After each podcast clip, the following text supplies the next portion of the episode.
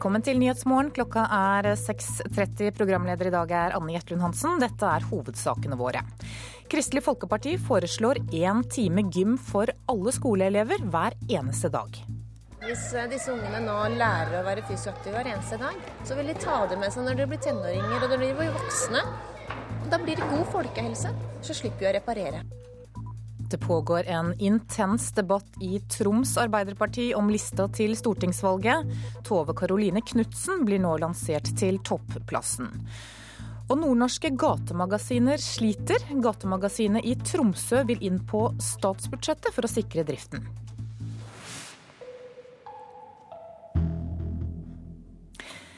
Gym for alle skoleelever hver dag, opprusting av svømmehaller, flere turstier og sykkelveier. Dette er noen av punktene i et forslag fra Kristelig Folkeparti om en ny handlingsplan for å få flere til å bevege seg mer. Se hvor gøy de har det. Stortingsrepresentant Line Henriette Hjemdal er på besøk i gymmen hos fjerdeklassinga på Møllergata skole i Oslo. De trives med å få ut uh, litt krefter som de har i løpet av skolehverdagen, og så lærer de mer når de kommer tilbake til de teoretiske fagene. Nå foreslår KrF én time gym eller fysisk aktivitet for alle elever hver dag, noe også Fremskrittspartiet har tatt til orde for. Hvis uh, disse ungene nå lærer å være fysioaktive hver eneste dag, så vil de ta det med seg når de blir tenåringer og de blir voksne. Da blir det god folkehelse. Så slipper vi å reparere. KrF vil òg ruste opp svømmehallene, bygge turstier og gang- og sykkelveier for å få flere i bedre form. Men på Møllergata skole er det gymmen fjerdeklassingene Abu Bakar, Dima og Eman er opptatt av. Jeg liker fotball. Det er litt gøy å sentre og Jeg hører at dere har hatt dansing nå i høst. Har det vært gøy, eller? Ja, jeg liker å danse ofte. Du liker å danse. Jeg liker best um, fotball og uh, basketball. Det er noen som foreslår at det skal være gym på skolen hver dag. Hva syns du om det? Det er gøy å leke masse her og fotball og basketball, sånn, men vi blir slitne av å dusje og skifte hele tiden sånn, hver dag. Kristian Teiste er faglærer i kroppsøving, og mener ungene trenger å bevege seg mer i løpet av skoledagen. Fysisk aktivitet er bra for ungene både helsemessig, og i tillegg så har du da bieffekter som at uh, de andre timene blir, kan bli litt lettere å gjennomføre. At energinivået kanskje blir brukt litt mer uh, i gymmen. Og så kan du fokusere litt mer på de oppgavene de har i de andre timene. Men er ikke det først og fremst foreldrene som har ansvar for at ungene beveger seg? Foreldrene har et ansvar, men skolehverdagen må vi også bruke, fordi vi sitter for mye stille. Skolen er en fellesarena, og derfor er det også viktig at vi bruker den for å øke fysisk aktiviteten for barn og unge. Og når vi vet at det gir også bedre læringsresultater, så blir det på en måte en vinn-vinn-situasjon. Og reporter her, det var Kjartan Røslett. Elisabeth Aspaker fra Høyre, du er medlem av utdanningskomiteen på Stortinget. Og blir det regjeringsskifte etter valget, så blir altså dette deres eh, ansvar. Hva syns du om forslaget? Jeg er helt enig i intensjonen om at eh, norske unger bør eh, være mer i aktivitet. Men jeg kan ikke se hvordan vi i dag innenfor rammen av skolen skal greie å få til mer gymtimer, altså en gymtime hver dag, sånn som KrF foreslår. Men jeg har tenkt som så at eh, flere unger burde gå og sykle til skolen. Vi har aldri hatt mer gang- og sykkelveier enn vi har til nå. Det ville gi dem en god dose daglig aktivitet. Eh, og så tror jeg også at vi kan arrangere skoledagen annerledes. Altså legge inn litt lengre pauser. Og ruste opp skolegårdene, sånn at det er ute, et utemiljø som frister ungene til å bevege på seg og være i aktivitet. Og så tenker jeg at det kan jo bringe oss langt på vei dit som KrF her eh, foreslår og ønsker. Ja, men Hvorfor er det ikke mulig å få til dette her innenfor skoledagen, sånn som eh, opplegget er i dag? Nei, altså Denne uka har vi jo fått eh, to undersøkelser, lesing og naturfag og matematikk. Og selv om vi er litt i fremgang i norsk skole, så er det ingen tvil om at vi har en hel jobb å gjøre i forhold til å løfte kunnskapene og ferdighetene til norske elever. Og jeg tror vi må ha fokus på, vi konsentrere oss om det nå, og så får vi finne andre løsninger når det gjelder det her med fysisk aktivitet. Men, men jeg syns også det er viktig det her at skolen kan ikke løse alt. Så her er åpenbart et område hvor det er viktig at skole og hjem samarbeider. At skolen si, forklarer foreldrene at det er viktig at ungene er i aktivitet, og at også fritida til ungene blir fylt med mer fart og lek, og ikke så mye innesitting fremfor eh, datamaskinen. De fleste av oss er vel enig i at, dette er foreldrene eh, sitt ansvar, men dette er jo en måte å forebygge helseplager på. Hvordan vurderer du det? Ja, jeg er helt enig i det. og Derfor så er faktisk Norge eh, høyt på lista i, hvis vi sammenligner oss med landene rundt når det gjelder hvor mange gymtimer vi har i skolen. Og Det er jo lagt inn eh, fysisk aktivitet i tilknytning til SFO osv. Men jeg tror det er en jobb å gjøre i forhold til å gjøre skolegårdene. Altså Mange skoler har ballbinger i skolegården, og, og at man har lagt til rette for at ungene skal kunne være i aktivitet. Det kan vi helt sikkert gjøre mer av, men sånn som jeg ser det i dag, så er det ikke realistisk at vi skal greie å legge inn én time gym hver dag uten at det skal gå på bekostning av andre fag. Og jeg ser ikke at det er noen andre fag som kan avgi tid til dette. Men kan ikke dette fremme andre fag, da? Du er jo lærer av yrket selv, og stemmer det ikke at ungene yter bedre i teoretiske fag dersom de får brukt litt krefter i gymtimen? Jo, det er helt rett at det å være fysisk aktiv det gir deg også mer energi og til, og også til å kunne lære mer. Men allikevel, tida i skolen er knapp, og det er ikke mer enn et par år siden vi hadde en stortingsmelding hvor vi diskuterte liksom hva, at man må sette noen grenser for hva alt skolen skal også bidra til. Så her må vi få til, tror jeg, en, en dugnad og et samarbeid altså mellom skole og hjem som gjør at man får til at ungene beveger seg nok. Men jeg tror ikke dette er noe skolen alene kan fikse. Takk til deg, Elisabeth Aspaker. Et banktilsyn for de største bankene i eurosonen er et stort skritt for å få tilbake tilliten i markedet. Det sa Tysklands forbundskansler da EU-toppene avsluttet møtet sent i går kveld. EU-toppene kunne etter måneder og års uro konkludere med at det har vært en god uke. Først fredsprisen, og så et banktilsyn, som de igjen tror skal få tilliten tilbake i markedet. Det var stor stemning på EU-toppmøtet i går kveld. Etter flere måneders harde diskusjoner kan de nå se fremover. We agreed to establish in the first half of next year an operational framework Første halvår skal vi få på plass et rammeverk, sa van Rompuy. Allerede til våren skal reglene være på plass. Det ble likevel debatt rundt tilsynet, som i første rekke gjelder alle eurolandene. Flere EU-land har sagt de ikke vil knytte seg til det, som Danmark og Storbritannia. Også Sverige er avventende. Reporter her var Åse Marit Befring. Flyselskapet Norwegian truer med å flytte sine store, nye Dreamliner-fly til Sverige dersom de ikke får lov til å bruke utenlandsk mannskap på de nye langdistanserutene. Dersom norske myndigheter sier nei, så blir flyene registrert i Sverige, opplyser selskapet til Dagens Næringsliv. Også selskapet som skal drive dem, flyttes i så fall til Sverige. Fagforeningene kaller forslaget for dumping. Hundretusener av nordkoreanske soldater og sivile samlet seg i sentrum av Pyongyang i dag for å feire oppskytingen av en langtrekkende rakett på onsdag. Statlig nordkoreansk fjernsyn viste enorme menneskemengder som jublet og klappet mens de lyttet til taler om den vellykkede oppskytingen og om motet og visdommen til landets nye leder Kim Jong-un. Det pågår nå en intens debatt i Troms Arbeiderparti om lista til stortingsvalget. Flere kommunepartier drøfter om de skal foreslå at Tove Karoline Knutsen fra Tromsø bør få førsteplassen, og at Martin Henriksen fra Harstad blir satt på andreplass. Og det kan også Harstad Arbeiderparti godta.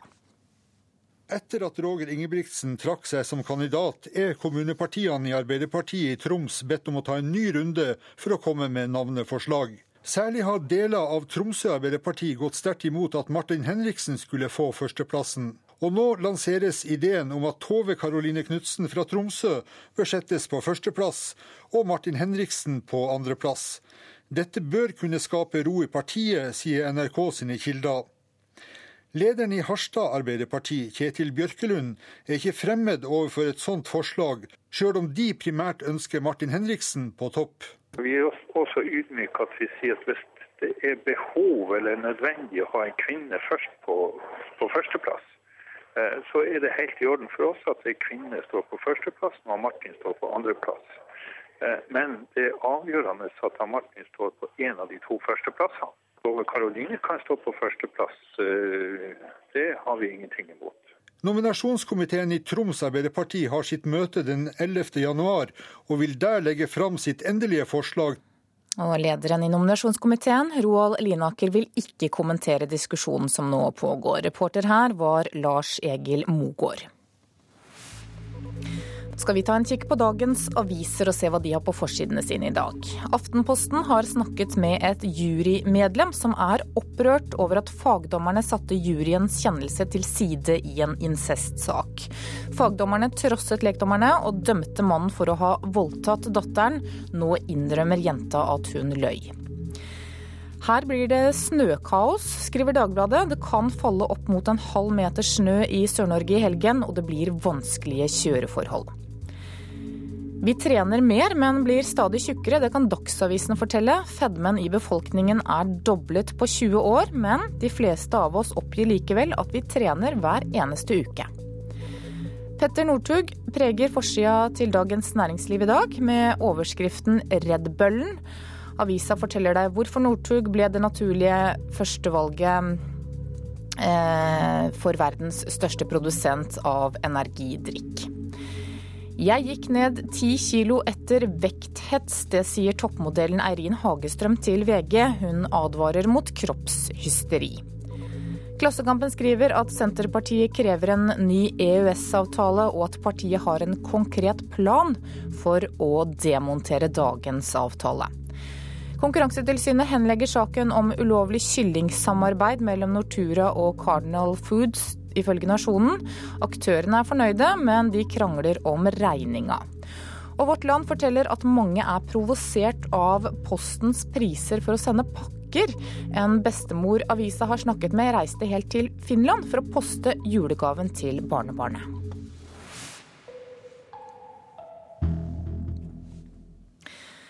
Japan tar trolig et klart skritt mot høyre ved valget på ny nasjonalforsamling til helgen. Meningsmålinger tyder på at tidligere statsminister Shinzo Abes parti, Liberaldemokratene, blir den store valgvinneren. Og det kan i så fall bety en langt tøffere linje overfor Kina. Og Asia-korrespondent Anders Magnus i Beijing, hva vil en tøffere linje overfor Kina bety for stabiliteten i regionen? Først og fremst så vil det nok gå ut over det økonomiske samarbeidet. Og her har jo Japan tapt veldig mye eh, det siste halve året. Etter de store antijapanske demonstrasjonene i Kina nå i høst, så har eksporten fra Japan gått ned kraftig til Kina. Eh, og det har jo eh, også ødelagt stemningen ganske mye at kineserne nå sender både skip og fly. Eh, det siste I går var det et fly inn over den japanske terror, eh, territorialgrensen ved de omstridte øyene i Øst-Kina-havet. Så, så, her kan det bli eh, mye spenning, bokstavelig talt, mellom de to landene når det eventuelt blir en ny og kanskje mer aggressiv regjering i Japan. Hva blir de viktigste sakene i dette valget? Det aller viktigste er økonomien, selvfølgelig. Og eh, nå håper jo Liberaldemokratene at de kan få eh, to tredjedels flertall sammen med et eh, litt mindre parti, slik at de kan få gjennomført en total omstrukturering.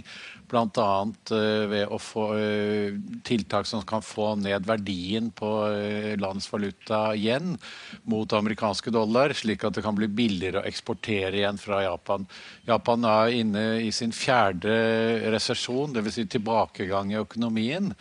Og, det ser veldig dårlig ut for neste år også, ifølge den japanske sentralbanken. Så å få økonomien eh, på fote igjen er det viktigste. Og så krangler de selvfølgelig også om eh, man skal eh, sette i gang igjen flere av atomkraftreaktorene som ble stanset etter Fukushima-ulykken. Så så, men, men, stort sett så er den politiske diskusjonen i Japan ikke så veldig eh, aktiv om dagen. Velgerne er veldig apatiske. De er veldig lei av politikere som ikke har gjort det de har lovet de skulle gjøre. Og, så det er nok eh, mange som ikke kommer til å stemme ved dette valget. Men eh, hvor populær vil du si at den sittende regjeringen er? Den er omtrent så upopulær som det går an å bli, tror jeg. Jeg tror knapt nok det har vært en så upopulær regjering i Japan noen gang. De eh, gjorde veldig dårlig eh, i håndteringen av eh, den tredoble katastrofen med jordskjelv, tsunami og atomulykke. Og de har skiftet ut lederne sine i ett sett. Japan har jo fått ny statsminister omtrent en gang i året nå. Uh, og, og, de blir også betegnet som veldig svake i konflikten mot Kina. Så uh, de kommer i hvert fall til å tape valget, det er helt sikkert. Spørsmålet er hvor mye eh, liberaldemokratene kommer til å vinne, og også hvor stor andel av stemmene de nye, det nye svært konservative partiet helt ytterst til høyre kommer til å få. Takk til deg, Asia-korrespondent Anders Magnus. Du hører på Nyhetsmorgen i NRK P2 og Alltid nyheter. Klokka er 6.45. Dette er hovedsaker i nyhetene i dag. Kristelig Folkeparti foreslår én time gym for alle skoleelever hver eneste dag. Det pågår nå en intens debatt i Troms Arbeiderparti om lista til stortingsvalget. Tove Karoline Knutsen blir nå lansert til topplassen. Og nynorskforkjempere føler seg overkjørt av utdanningsmyndighetene.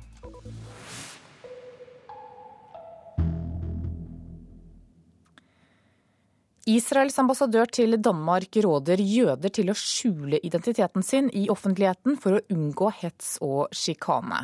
Vi råder jøder til ikke å gå med kalott på gaten, selv ikke i områder som blir betraktet som sikre, sier ambassadøren til Jyllandsposten. Han fraråder også synlige davidsstjerner og høylytt hebraisk språk.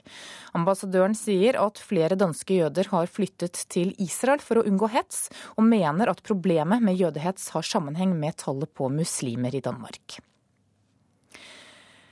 Synnøve Solemdal innrømmer at det har vært vanskelig å nullstille seg etter verdenscupseieren i skiskyting forrige helg. I dag skal hun prøve å følge opp sprinten i Slovenia. Nå begynner jeg å komme ned på bakken igjen og gleder meg bare skikkelig til, til en ny start og ny, nytt løp. Så nå starter på null igjen. Men lett å nullstille seg er det ikke for Synnøve Solemdal. Vi skrur tiden seks dager tilbake til tyske Horfildsen. Synnøve Solemdal kommer til å vinne i Horfildsen! Ja da, ja da, ja da! Det er et helt fantastisk øyeblikk vi opplever! Karrierens første verdenscupseier og pallplassering forrige helg har tatt tid å fordøye. Det har vært uh, artig. Det har vært, uh, vært, litt sliten, men uh, nå begynner det å komme seg igjen. Tidligere har det vært mye nesten for Solheimdal. Triumfen forrige helg var derfor en viktig bekreftelse, og ikke minst til stor inspirasjon med tanke på resten av sesongen. Det var utrolig godt, og, og det å få til et, et skikkelig renn Jeg har, jeg har hatt mange sånne halv halvdårlige renn kan du si, i, i, sesongen her. Så få til det første gode, det, det, er herlig. Så nå ser det bare framover. Hvile får hun ikke tid til. Allerede i ettermiddag er hun klar for sprint i slovenske Pokljuka. Tre av konkurrentene har hun ekstra stor respekt for. Tora er alltid klar, og så har du Kajsa, som helt sikkert har lyst på en seier snart. Så Tora, Kajsa og Domracheva tror jeg blir sterke. Men hvem vinner? Det, det blir meg. Jeg er gira på mer, så jeg skal bare kjøre på hvert løp og gjøre det jeg kan. Og reporter her, det var Oddbjørn Vistnes. Politiet de måtte i går kveld ut på E6 og stoppe en bil som bare brukte lommelykt som kjørelys. Bilen ble observert da den var på vei nordover ved Fåvang, og det ble stoppet ved Vinstra og pålagt kjøreforbud. Men det tok ikke den polske bilføreren særlig alvorlig, og han la ut på tur igjen like etter. Han ble senere på kvelden stoppet på rv. 15 ved Tessan i Vågå, nå også uten lommelykt. Operasjonsleder Svein Brubakken ved Gudbrandsdal politidistrikt er rystet. Det er jo helt uh, huguløst. For det, det er, Han kjørt på E6 et langt langt stykke uten noe lys, verken foran eller bak. Første turen så hadde han en liten lommelykt i kupeen, og den gikk tydeligvis tom for strøm, så det var helt mørkt da politiet stoppa han. Var det noen gang fare for eh, kollisjoner?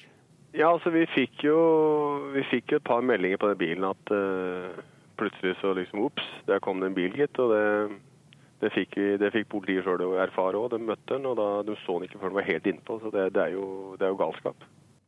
Og intervjuer her, det var Ole Martin Sponberg. Stadig flere innvandrere oppsøker Frelsesarmeen for hjelp i jula.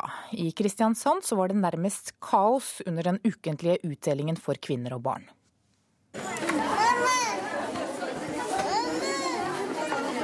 Det koker i lokalene i Østre Strandgate. Nasjonalitetene er mange, men de har til felles at de er mødre. Flere med avslåtte asylsøknader og med mange barn å ta seg av. Foran døra til et lite kontor presser et titalls kvinner seg fram. Der inne sitter ei dame fra Frelsesarmeen og deler ut matpose og etter sigende julegave til barna. I køen møter jeg ei lita unnselig kvinne, Camilla fra Libanon, som bærer på et stort ansvar. Ja, jeg har fått avslag, og uh, penger er halv tregt, og alene mor med fem barn. Så det er vanskelig. Jeg er ny her, okay. så jeg venter på kø. Du står i kø for å få en pose med mat? Uh, nei. Nei. nei okay. ba, uh, gave til barn. Det er veldig få norske på torsdagen. Per Økland jobber som frivillig i Frelsesarmeen, og han har ikke vært med på lignende tilstander som i dag. Ja, i dag er det skikkelig, altså. Jeg var jo vekke en time på julegryta, så jeg har, fått, jeg har fått hvilt litt. Ja.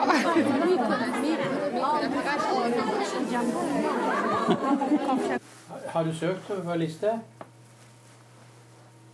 Nei, men du har navnet. Hva sa du? Etternavnet? Kjell Dahlstrøm sitter i fred og ro en etasje over og sysler med søknaden til Frelsesarmeens julepakke. De som skal deles ut neste tirsdag. Hansen og fornavn? Skal vi se. Finner rette lista, da. Det er så mange at I fjor delte de ut over 600, men i år mener Kjell det blir rundt sju. Og stadig flere innvandrerfamilier søker. Ja, de øker. Ja. Det, det gjør de. På hvilke måter føler du at jungeltelegrafen sprer seg? liksom? Ja, men altså det at vi har jo også hatt nå gjennom siste året har vi jo hatt åpent tirsdag-torsdag. Og det har jo økt veldig eh, frammøte på de, og det vil jo tilsi igjen økning her. Jeg kom jo ned med ti brød i dag. Ja, så det var Så, uh, Men maten ryker fort? Ja, i dag gikk det fort unna. Brød og kaffe. Og Reporter i saken var Kari Jeppestøl Arntzen. Nordnorske gatemagasiner sliter med driften. Ekko i Bodø har nå fridd til næringslivet for å sikre tilbudet, mens redaktøren i gatemagasinet i Tromsø nå ønsker seg inn på statsbudsjettet for å skape forutsigbarhet for gateselgerne. Her prater til gata 2. Det er et produkt som selger veldig godt ute på gaten. Som er den ultimate julegaven til dem som har alt. Erik Junge Eliassen er redaktør for gatemagasinet Virkelig i Tromsø. Selv med både plater og julebok til salgs, så sliter gatemagasinet med økonomien. Nei, For gatemagasinet Virkelig så er den tidvis kritisk. Vi, vi lever fra hånd til munn. Å få oss inn på statsbudsjettet ville gitt en forutsigbar økonomi og gitt et godt tilbud til, til russyke, hjemløse og vanskeligstilte i, i hele Norge. Kan åpne døra for deg. Vær så god. Roger er selger. Hva betyr det for deg å komme inn her? Ja, Det betyr en trygghet. Det er hjelp å få her. Også det andre gatemagasinet i Nord-Norge, Ekko i Bodø, har inntil nylig slitt tungt økonomisk. Vi overveide å slå oss konkurs. Men nå er Ekko redda av næringslivet. Redaktør Ole Martin Larsen mener at denne formen for rusomsorg helst burde vært en offentlig oppgave. Og det er folk som har vært vant til å krype langs med husmurene og vært vant til å bli sett ned på. Og nå kan de stille seg opp som selgere av et produkt og tjene helt ærlige penger. Jaha, det er veldig viktig for meg å ha en jobb. Jeg trenger, jeg, trenger, jeg trenger, å ha noe å gjøre for å komme meg gjennom dagene, og at dagene ikke blir så lange. Jeg trenger inntekt òg, og um, jeg trenger sosialt samvær. For å hjelpe flere som Roger, og kanskje utvide nordover, lobber Eliassen videre for å komme inn på statsbudsjettet. Det ville ha gitt denne bevegelsen en forutsigbarhet som på sikt ville spart samfunnet for enorme summer. I Trondheim så støtter daglig leder for Sorgenfri Tromsø redaktøren. Men i Stavanger så sier daglig leder for Asfalt at de klarer seg godt uten offentlig støtte. Og daglig leder for Erlikstiftelsen i Oslo, Ann-Lov Mathisen, er skeptisk til forslaget. Ja, den er nøyaktig like usikker som å tigge til næringslivet. At man når som helst så kan miste den støtta, og så plutselig har man et kjempestort problem som man egentlig burde styrt unna. Hvor du skal gå hen nå? Bare kafeer, puber. Ja, alternativet det er jo Det er jo å gå og ruse seg. Det er jo ikke noe annet jeg har å gjøre egentlig om dagene. Jeg kjenner ingen andre folk enn eh, enn folk fra miljøet. Og reporter i Tromsø var Karoline Rugeldal. Nynorskforkjempere føler seg overkjørt av utdanningsmyndighetene. Utdanningsdirektoratet har sendt ut forslag til en rekke endringer i norskopplæringen, men mulighetene for å komme med tilbakemeldinger er begrensa. I stedet for at alle kan svare så langt og fritt de vil, så er myndighetenes høring utformet som en spørreundersøkelse. Og det provoserer norsk målungdom, som frykter at nynorskfaget blir svekket. I den foreslåtte teksten står det ingenting om språkpolitiske eh, grunner. Vebjørn Sture, leder for Norsk Målungdom, sitter på kontoret i Oslo sentrum og forsøker å formulere et høringssvar. Til hovedmålene for norskfaget har han mange kommentarer. Veldig mange kommentarer. Og nå tror jeg vi faktisk er forbi 300 tegn her. 300 tegn, det er ca. tre setninger, det og maksgrensa på hva man kan skrive i flere av feltene på skjema som Utdanningsdirektoratet oppfordrer til å bruke når man skal komme med innspill til ny læreplan i norskfaget. På skjema kan man også krysse av på om man er enig, delvis enig eller uenig i spørsmål som om det f.eks. i 10. klasse skal være standpunktkarakter i sidemål.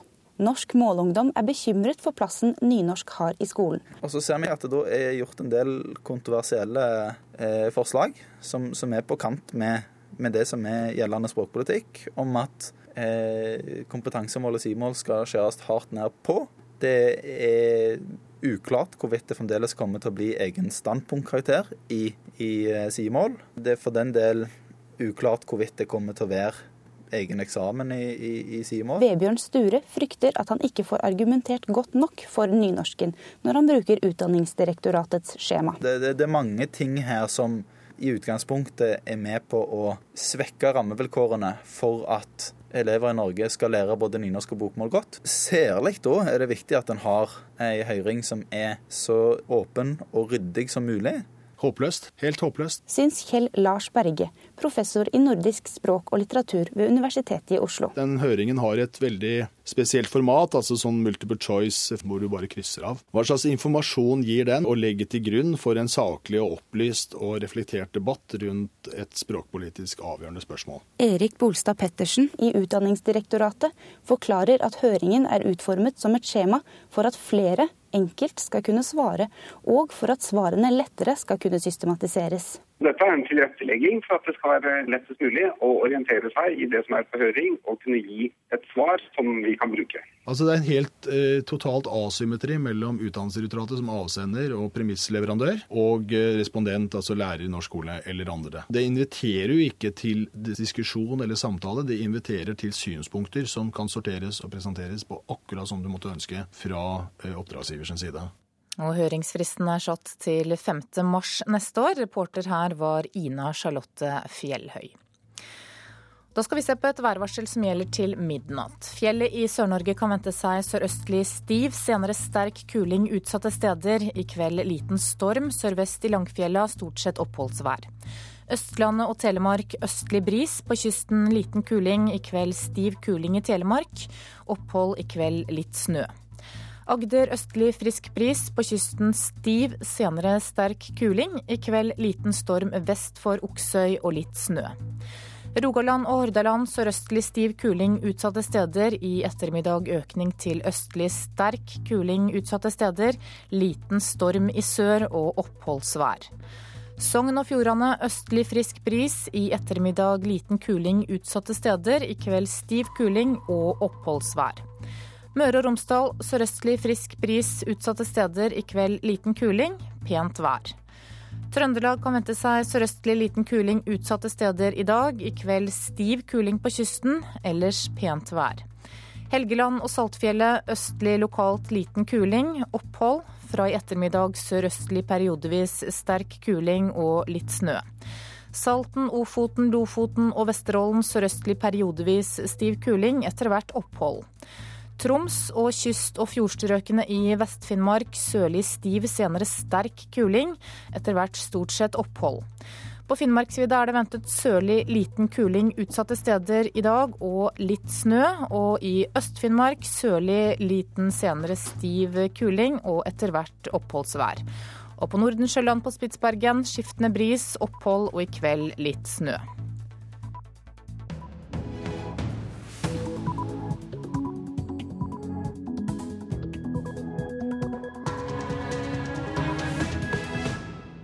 Klokka er sju. Du lytter til Nyhetsmorgen med Anne Jetlund Hansen i studio. Her er en nyhetsoppdatering. Norge må forberede seg på borgerkrig innen tre år dersom det kommer flere muslimer til landet. Det mener høyreekstreme. De planlegger morgendagens demonstrasjon i gamlebyen i Oslo.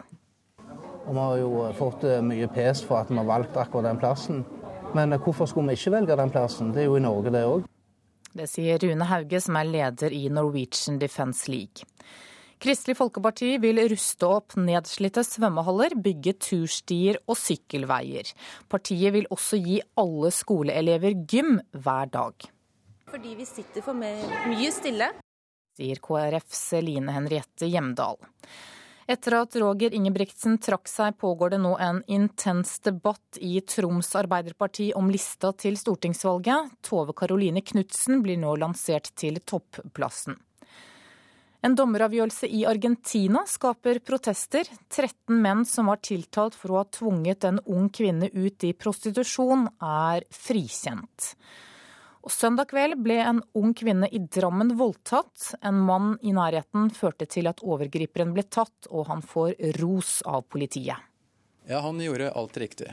Han eh, varsla politiet og informerte om hvor gjerningsmann hadde gått og eh, fulgte gjerningsmann eh, hele veien til vi var sikre på hvor gjerningsmann var å finne. Sa Stein Olav Bredli, som er leder av etterforskningsavsnittet. I morgen samler høyreekstreme seg til demonstrasjon i gamlebyen i Oslo. De sier at de vil forby islam, og at Norge må forberede seg på borgerkrig innen tre år. Du er nummer to, du er heldig og tidlig ferdig. Jeg er nummer seks. Jeg, jeg står der med vondt i magen og venter på det. Men du er så god, du. I ei julepynta stue i et hvitmalt trehus i Sandnes sitter lederne for den antiislamske gruppa SION Norge og planlegger lørdagens demonstrasjon i gamlebyen i Oslo. Kjersti Margrethe Gilje og Merete Hodne frykter borgerkrigen er rett om hjørnet dersom det kommer flere muslimer til landet. Ja, selvfølgelig. Det kommer til å komme. Bare snakk om tid, da. men de første 10-20 åra er ikke sikkert. Mm. Men jeg tror det kommer før vi òg aner. I morgen demonstrerer de mot en påstått islamisering av Norge, sammen med Norwegian Defence League og en rekke islamkritikere fra land som Sverige, England, Polen og Danmark. Nå skal vi jo til, til gamlebyen i Oslo.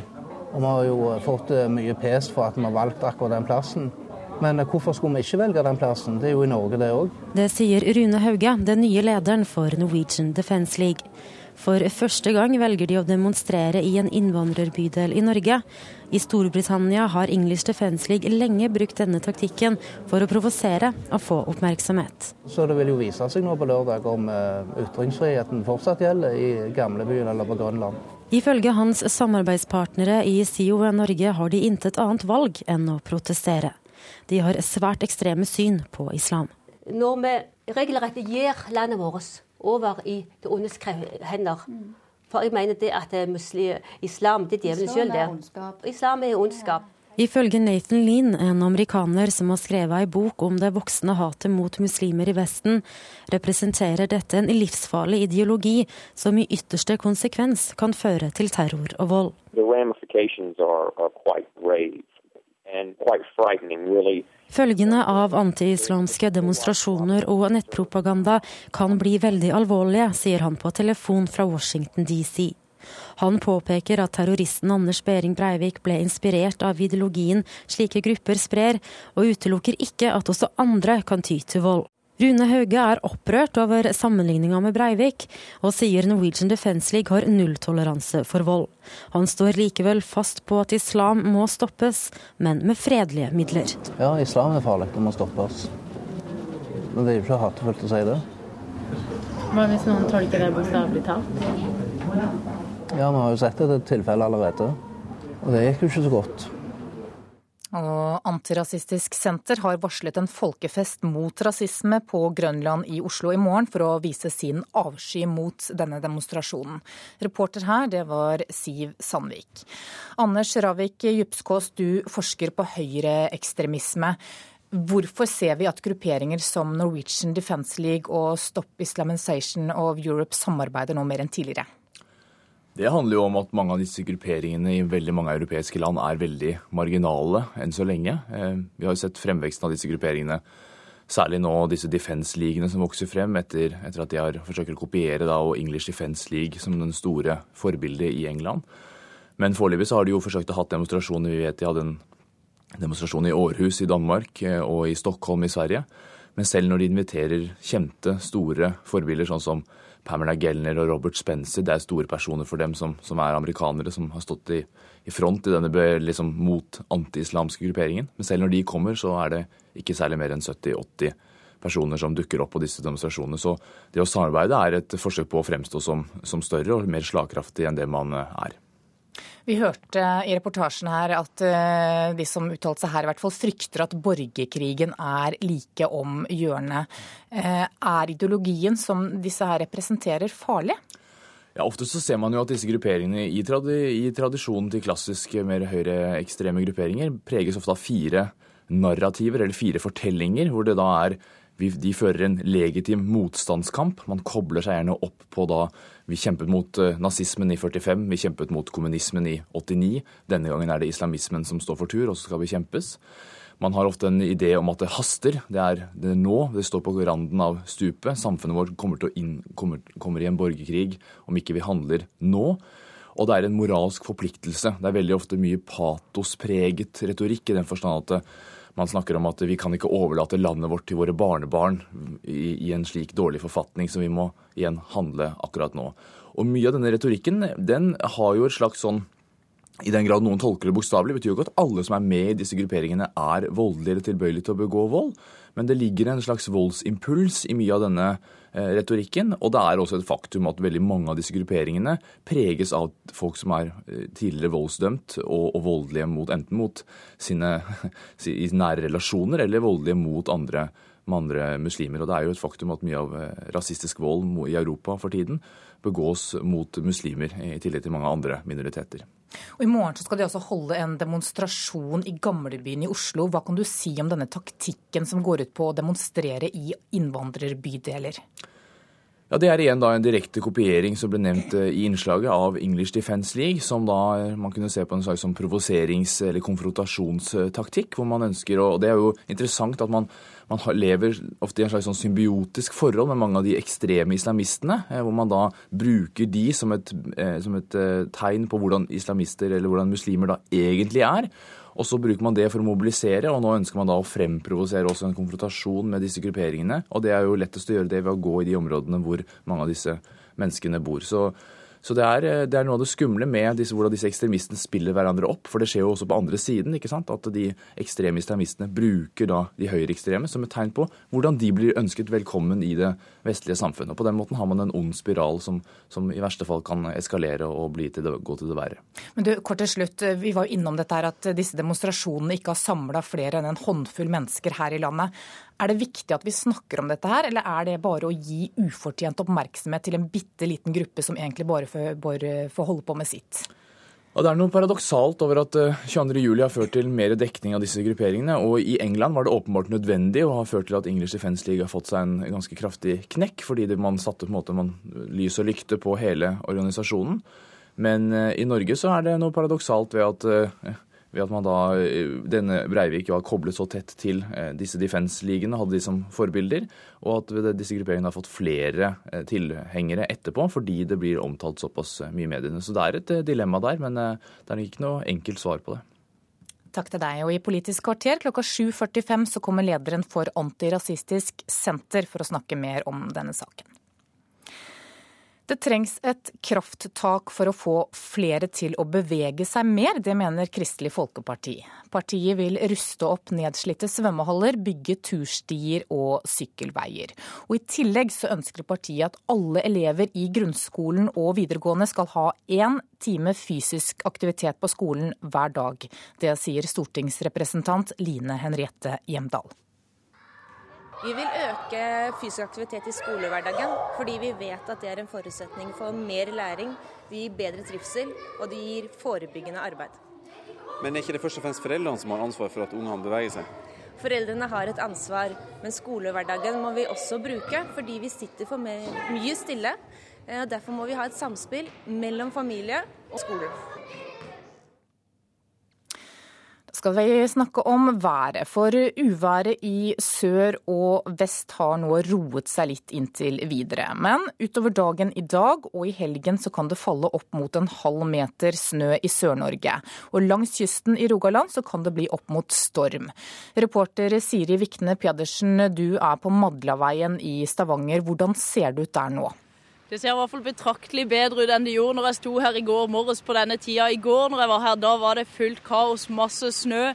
Og bilene var ikke helt forberedt på dette, så var lange køer. I dag så er det kaldt, eller to minus, én minus. Og det er, det er ikke snødd noe i natt, men det blåser mer i dag. Så det er, det er vinter i Stavanger, sånn som vi ikke er vant til å ha det her. Ja, hvilke konsekvenser har dette uværet fått for innbyggerne? Det har fått de konsekvensene at på Jæren der måtte skole og barnehage stenge i går fordi at folk kom ikke fram til disse. da. Og så har det blitt sånn at det falt så mye nedbør eh, på Jæren at skolene og barnehagene ikke, det er ikke forsvarlig å holde de åpne. Så derfor må de holde stengt i dag pga. store snømasser på tak som de er redd for at skal dette ned. Så ble det òg stengt en del eh, fylkesveier fordi brøytemannskapet måtte prioritere E39 og andre hovedfartsårer. Så fremdeles så er ikke alle veiene i Rogaland rydda opp i, og det er et par fylkesveier, spesielt ut med Ålgård og rundt Bryne, som det ennå ikke er brøyta på. Så sånne konsekvenser har det fått. Og hvis det da kommer noe mer nedover i kveld, som de da frykter, så vil det bli enda verre å holde Rogaland i gang på biltrafikken. fordi at da må man igjen begynne å prioritere E39, hovedfartsårene her i Stavanger, som knytter igjen til Haugesund og nedover mot Kristiansand. Så det, det, er kaos når det kommer så mye nedbør i form av snø på Vestland. Vi er jo vant til regn, men ikke i form av snø, altså. Og så har du vært tidlig oppe i dag og allerede vært på Stavanger lufthavn. Sola, hvordan var forholdene der? Her var det òg sånn at ikke det var eh, sånn som i går. I går var det fullt kaos. I dag var det veldig greit. Det var ikke noe problem. I går måtte flyplassen stenge i tre timer pga. de fikk ikke brøyta rullebanene. Og det var for glatt der. Nå var det greit. Det var bare ett fly som var forsinka til Bergen med en time, og det er sånn som man pleier å ha det på Sola lufthavn. Så det begynner å bli bra i Rogaland. Så får vi håpe at ikke stormen og det store uværet og mer nedbør kommer i kveld. Lykke til, Siri Vikne Pedersen. Etter å ha brukt eh, titalls millioner kroner på planlegging og årevis med sykehuskrangling mellom Molde og Kristiansund, så blir saken i dag endelig avgjort. Det blir ett felles sykehus mellom Kristiansund og Molde. Den eneste betingelsen er at det ikke ligger i sentrum i en av byene. Og dermed kan sykehuset havne på en tomt der det var planlagt for flerfoldige år siden. Jo, vi har brukt enormt med penger og tid. Det innrømmer Fagforbundets representant i styret i Helse Møre og Romsdal. Moldemannen Knut Ivar Egseth har kjempa hardt for ett sykehus i hver by. For to år siden var stemninga i Molde slik da de ikke fikk løyve til å starte bygging av nytt sykehus. Da spretta de champagnen i Kristiansund. Men i går stemte også Egseth for at det skal bli ett nytt sykehus, og at det skal ligge mellom byene. Styret i Helseregion Midt-Norge kommer med det endelige vedtaket i dag. NRK har kjennskap til at dette også er godt forankra i Helsedepartementet. Alle tror at nå blir det slik. Jeg tror det er bra at det nå kommer til et vedtak. Eh, at denne saka blir landa, og at det forhåpentligvis blir et godt resultat også når, når lokaliseringa blir bestemt. Sier Senterpartiets stortingsrepresentant Jenny Klinge fra Nordmøre. Men endelig tomtevalg er ikke gjort. Styret vil at sykehuset skal ligge bynært. De sannsynlige alternativene er da 20 minutter fra Molde sentrum, eller om lag det samme fra Kristiansund sentrum. Og dersom Molde skulle vinne den striden, så havner sykehuset trolig på Hjelset øst for byen. Det har de planlagt før. For ti år siden og framover var det nettopp det som var foreslått tomt for nye Molde sykehus. Men i Kristiansund var de redde for at det ville bety nedbygging av deres sykehus. Og dermed inngikk de to byene en avtale om at nye Molde sykehus skulle planlegges på ei anna tomt. Og så brukte en årevis med planlegging og 77 millioner på å planlegge et sentrumssykehus i Molde. Det vedtaket er fra i dag lagt i skuffen for godt. Ja, Det kan en eh, ærlig talt eh, for min side si at vi, vi politikere vi er noen skruer innimellom. Vi, vi diskuterer fram og tilbake, og det er mange prosesser som, eh, som går fløyten, om vi skal si det slik. Sier stortingsrepresentant Klinge. Vi spør de ansatte sin representant. Du har vært med i prosessen i ti år, og opprinnelig var det jo Gjelseth man slåss for. Altså, nå er man kanskje tilbake igjen til Gjelseth. Har det vært det? Tidsbruken og pengene? Nei, det er klart at det, det, vi har jo snudd på hver en stein, og mye har vært, eh, mye vært unødvendig. Tidligere stortingsrepresentant for Ap, Asmund Kristoffersen, har hatt en slags meklerrolle på Nordmøre og Romsdal siste tida. Han tror regionene måtte gjennom en årelang og traurig prosess. Jeg mener at de, de ti smertefulle årene som har gått, de har vi ikke kunnet unngått. De måtte vi bare ha oss gjennom i regionen. Så står de samla i dag om et nytt sykehus. Men dermed går startskuddet for en ny debatt. Hva for en by skal det ligge nærest? Det er nok tross alt best at det ligger nært en av byene, tror Senterpartiets Jenny Klinge. Men eh, det er klart det ville vært også noen fordeler åpenbart med å legge det midt imellom. Hva ville det vært? Kanskje å forebygge krig. Reportere her var Håvard Grønli og Trond Vestre. Klokka har passert 7.16. Du hører på Nyhetsmorgen. Dette er hovedsaker i dag. Høyreekstreme frykter borgerkrig. I morgen demonstrerer, demonstrerer de mot islam i gamlebyen i Oslo. Fine svømmehaller, turstier og sykkelveier samt gym på skolen hver dag skal få nordmenn til å bevege seg mer, ifølge Kristelig Folkeparti. Og det ligger an til at Japan tar et klart skritt mot høyre ved valget på ny nasjonalforsamling til helgen.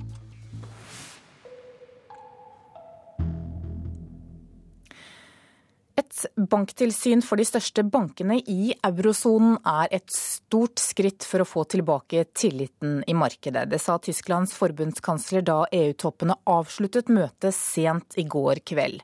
Og etter måneder og års uro så har dette vært en god uke for EU-toppene, korrespondent Hege Moe Eriksen.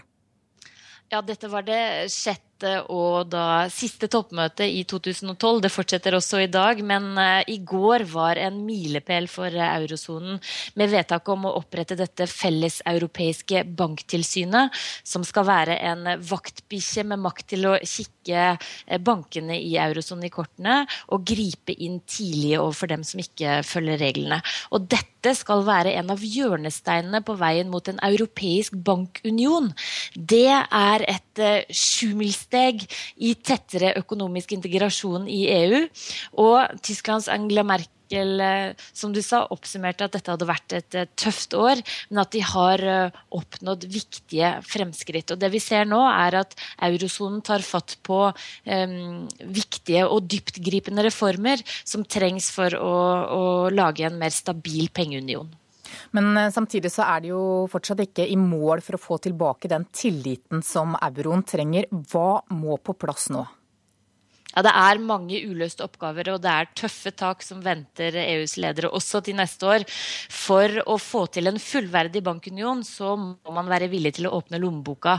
Det neste de må bli enige om, er bl.a. et felles fond for innskuddsgarantier til banker i eurosonen. Det betyr at skattebetalerne i eurosonen må betale inn til et felles fond, og det blir da tyske og franske skattebetalere som skal garantere for greske og spanske banker. Hvordan dette skal ordnes i detalj, er svært vanskelige spørsmål. Blant annet så har Sverige sagt nei til å bli med i, i bankunionen pga. dette. Og statsminister Fredrik Reinfeldt sa i går at Sverige ikke vil bli med før man føler at det er garantert at svenske skattebetalere ikke skal betale for bankproblemer i andre land. Ja, for Situasjonen i land som Spania og Hellas er jo fortsatt alvorlig, som du sier. Hvordan skal dette løses? Ja, eh, situasjonen eh, i disse landene er eh, alvorlig, og det løses nok ikke med en bankunion. Men det er klart at eh, tilliten til eurosonen kan Mye av tilliten i finansmarkedene kan gjenopprettes med en slik eh, bankunion. Men den realøkonomiske situasjonen i Sør-Europa eh, vil jo fortsatt være svært alvorlig. Fortsatt så må Europa komme seg ut av resesjon og løse problemet med en arbeidsledighet som galopperer av gårde i mange land. Jeg var eh, forleden her i Brussel og hørte på eh, Helmut Schmidt, som er eh, Tysklands tidligere forbundskansler. Han er en eldre mann og sa at han aldri hadde sett maken i Europa til, til så høy arbeidsledighet blant unge. Han sa at selv ikke under den store depresjonen var arbeidsledigheten så høy. Og det er klart at dette er noe av de virkelig store problemene som EU sliter med nå. Hvordan skal skape vekst, og hvordan skape arbeidsplasser, ikke minst for de unge. Det rapporterte Hege Moe Eriksen fra Brussel. På stillehavsøya Samoa er det erklært katastrofetilstand etter en kraftig syklon. Tre mennesker er omkommet og flere barn er savnet, og nasjonen på 200 000 mennesker er uten strøm. John Kerry, som har vært demokratenes presidentkandidat, kan bli ny utenriksminister i USA. Tidligere favoritt Susan Rice har trukket seg. Rice var omstridt fordi mange mente hun feilinformerte etter terrorangrepet i Benghazi, der ambassadøren deres ble drept. Kerry er i dag leder for Senatets utenrikskomité. Den sørkoreanske marinen har funnet rester etter raketten som Nord-Korea skjøt opp i går. Sør-Koreas forsvarsminister sier at de nå vil analysere bitene for å finne ut hva slags raketter Nord-Korea er i stand til å lage. I Argentina har en dommeravgjørelse i en sexskandale ført til både protester og demonstrasjoner. Saken går ti år tilbake, da en ung kvinne angivelig ble bortført og solgt som prostituert. Siden politiet etter morens mening gjorde for lite, så begynte hun selv å etterforske. Men hun stanger hodet i veggen, og denne uka ble de 13 som var tiltalt for å ha tvunget datteren hennes ut i prostitusjon, frikjent absolver a Humberto Juan de Robertis, José Fernando Gómez, María Susana Márquez I alt 13 navn ble lest opp i rettssalen i Tucuman, der alle de tiltalte ble frikjent. Mange hadde trodd at de ville bli dømt for menneskehandel, men det manglet fysiske bevis, og vitnene var lite troverdige, ifølge retten. Det var ikke spesielt overraskende, men for mange som hadde trodd på rettferdighet, så var det provoserende. I ti år har Susanna Trimarco lett etter sin datter, 23 år gammel da hun angivelig ble bortført. Hun har ikke funnet Maria de Los Angeles Verón som datteren het eller heter, eller Marita, som hun ble kalt den gang. Men det Susanna Trimarco har funnet, har sjokkert Argentina. Hun avslørte organiserte bander med kriminelle som kidnappet jenter og unge kvinner. De solgte dem så til illegale bordeller der de ble holdt som sexslaver til forlystelse for VIP-kunder som sto i ledetog med de lokale myndighetene i Tokoman og La Rioja. Susanna Trimarco lot seg ikke knekke av frifinnelsen. Jeg er sterk, jeg feller ikke en tåre, og som mor er jeg like engasjert som før, sa hun. A mí me tienen bien fuerte, míreme en la cara. Yo no derramé una lágrima y el corazón sigue teniendo la misma potencia que, que tengo como madre. Jeg vil fortsette å slåss. Ikke bare for min datter, men for alle argentinere. De må drepe meg for å stanse meg, sa Susana Trimarco. Y voy a luchar por todos los argentinos, no solamente por mi hija. Que me maten si quieren para hacerme callar. Sabe, que me maten. Hennes kamp har ikke vært forgjeves. I løpet av de ti årene som har gått siden Marita forsvant, er det blitt vedtatt nye lover. Prostitusjon er fremdeles tillatt, men organisert bordellvirksomhet er blitt forbudt. Mye takket være Susanna Trimarcos ensomme kamp. Hun infiltrerte miljøene og avslørte bakmennene. Hundrevis av kvinner er reddet ut av sexslaveri på grunn av henne. Andre er fortsatt i live takket være en stiftelse hun har opprettet i datterens navn. Denne uken fikk Susanna en menneskerettighetspris av Argentinas president Cristina Fernandes. President Kristina la ikke fingrene imellom. Hun beskyldte rettsvesenet for korrupsjon i saken der de 13 tiltalte ble frikjent. Hun hadde ikke bevis, men var ikke i tvil, som hun sa. Det sa utenriksmedarbeider Joar Hoel Larsen. Da skal vi ta en kikk på dagens aviser og se hva de har på forsidene sine i dag. Aftenposten har snakket med et jurymedlem som er opprørt over at fagdommerne satte juryens kjennelse til side i en incestsak. Fagdommerne trosset lekdommerne og dømte mannen for å ha voldtatt datteren sin. Nå innrømmer jenta at hun løy. Her blir det snøkaos, skriver Dagbladet. Det kan falle opp mot en halv meter snø i Sør-Norge i helgen, og det blir vanskelige kjøreforhold. Vi trener mer, men blir stadig tjukkere, kan Dagsavisen fortelle. Fedmen i befolkningen er doblet på 20 år, men de fleste av oss oppgir at vi trener hver eneste uke. Jeg gikk ned ti kilo etter vekthets. Det sier toppmodellen Eirin Hagestrøm til VG i dag. Hun advarer mot kroppshysteri. Petter Northug preger forsida til Dagens Næringsliv i dag med overskriften 'Redd bøllen'. Avisa forteller deg hvorfor Northug ble det naturlige førstevalget for verdens største produsent av energidrikker. Klassekampen skriver at Senterpartiet krever en ny EØS-avtale, og at partiet har en konkret plan for å demontere dagens avtale. Konkurransetilsynet henlegger saken om ulovlig kyllingsamarbeid mellom Nortura og Cardinal Foods, ifølge Nasjonen. Aktørene er fornøyde, men krangler om regninga. Og Vårt Land skriver at mange er provosert av Postens priser for å sende pakker. En bestemor som avisa har snakket med, reiste helt til Finland for å poste julegaven til barnebarnet sitt.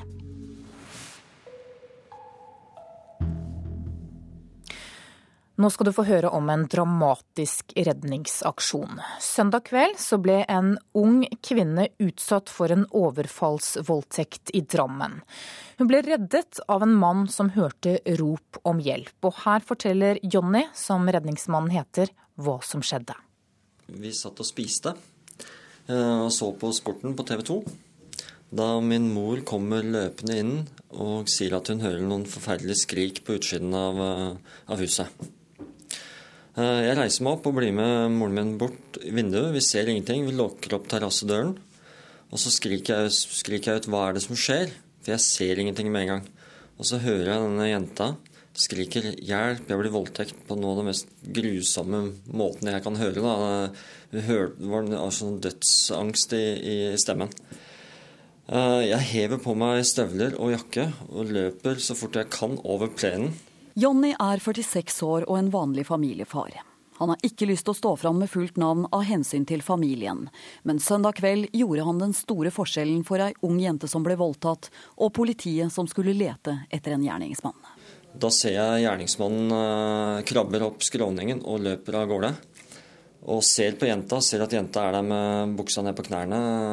sant? Jeg får ikke gjort så mye for henne, så jeg tenker bare han må jeg få tak i. Jeg løper, jeg begynner å løpe etter han. Jeg er ca. 50-60 meter bak han. Eh, jeg får øye på en jente eh, som kommer mot oss. Jeg skriker til henne. Jeg tror jeg skreik 'stopp han'. Det var kanskje dumt. Hun gjorde ikke noe, men da jeg møtte henne, så sa jeg 'vær så snill, hjelp jenta ned veien her'. Hun er blitt voldtatt. Og hun gjorde det, da. Jonny fortsatte å løpe gjennom hager og boliggater etter gjerningsmannen, og til slutt står de begge ansikt til ansikt. Jeg spør på norsk 'hva er det du har gjort'? Uh, han svarer uh, på østeuropeisk. Jeg spør han på engelsk. Han svarer på østeuropeisk igjen. Og dermed fortsetter jakten, men etter hvert får Johnny kontakt med politiet, og han er med da den østeuropeiske mannen blir pågrepet i et bolighus. Stein Olav Bredli, leder av etterforskningsavsnittet, sier dette om innsatsen han gjorde. Ja, Han gjorde alt riktig. Han eh, varsla politiet og informerte om hvor gjerningsmannen hadde gått og eh, fulgte gjerningsmann eh, hele veien til vi var sikre på hvor gjerningsmann var å finne. Jeg tenkte bare at han skulle vi ta. Jeg har jo selv en datter på 19 år, og jeg har mange kamerater i området som er også småjenter. Så jeg var ikke redd i det hele tatt. Jeg ble redd litt etterpå, men ikke når dette skjedde. Og man skal bry seg, sier politiet, men samtidig skal man handle forsiktig. Det viktigste er kanskje å eh, kontakte politiet å eh, følge eventuelt, som i det tilfellet her, gjerningsmann, og eh, rapportere inn det til politiet.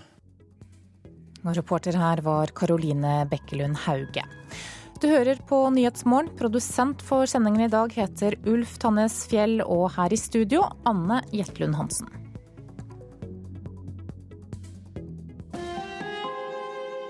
Hør ekko.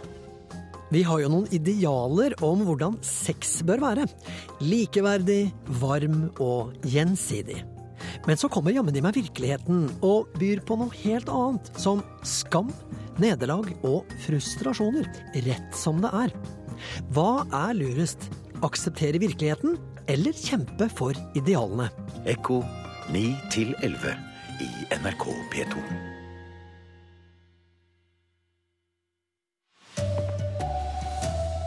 Høyreekstreme frykter borgerkrig i Norge, demonstrerer mot islam i morgen. EU-topper tror de har funnet løsningen på å få tilbake troen på bankene. Og Vestlandet ruster seg mot mer uvær. God morgen, her er NRK Dagsnytt, klokken er 7.30. I morgen samler høyreekstreme seg til demonstrasjon i gamlebyen i Oslo. De sier de vil forby islam, og at Norge må forberede seg på borgerkrig innen tre år. Forskere sier budskapet er en trend i Europa, og frykter at det kan ende med vold. Du er nummer to. Du er heldig og tidlig ferdig. Jeg er nummer seks, jeg. Lederne i den antiislamske organisasjonen SION Norge, Merete Hodne og Kjersti Margrethe Gilje, planlegger morgendagens demonstrasjon i gamlebyen i Oslo. En bydel der det bor mange innvandrere. Og det, det, er jo sånne gettoer. Det er jo det vi er redde for vil skje. Altså, vi ser jo at det er i ferd med å skje. Det blir jo borgerkrig og elendighet. Du ser det jo i, du ser det i alle land. Men Frykter du borgerkrig eh, også i Norge? Å oh, ja, selvfølgelig. Rune Hauge, som leder Norwegian Defence League, sier det er forberedt på bråk i morgen. Og Vi har jo eh, fått eh, mye pes for at vi har valgt akkurat den plassen. Men hvorfor skulle vi ikke velge den plassen? Det er jo i Norge, det òg. Han forteller at en rekke islamkritikere fra land som Polen, Sverige og England kommer til Oslo for å advare mot det de hevder er en islamisering av Vesten. Det er sånn som det skjer i de fleste land der muslimer kommer i flertall. Da overtar de. Ekstremistekspert Anders Ravik Djupskås eh, sier denne hetsen mot muslimer kan sammenlignes med jødehatet man også ser i Europa.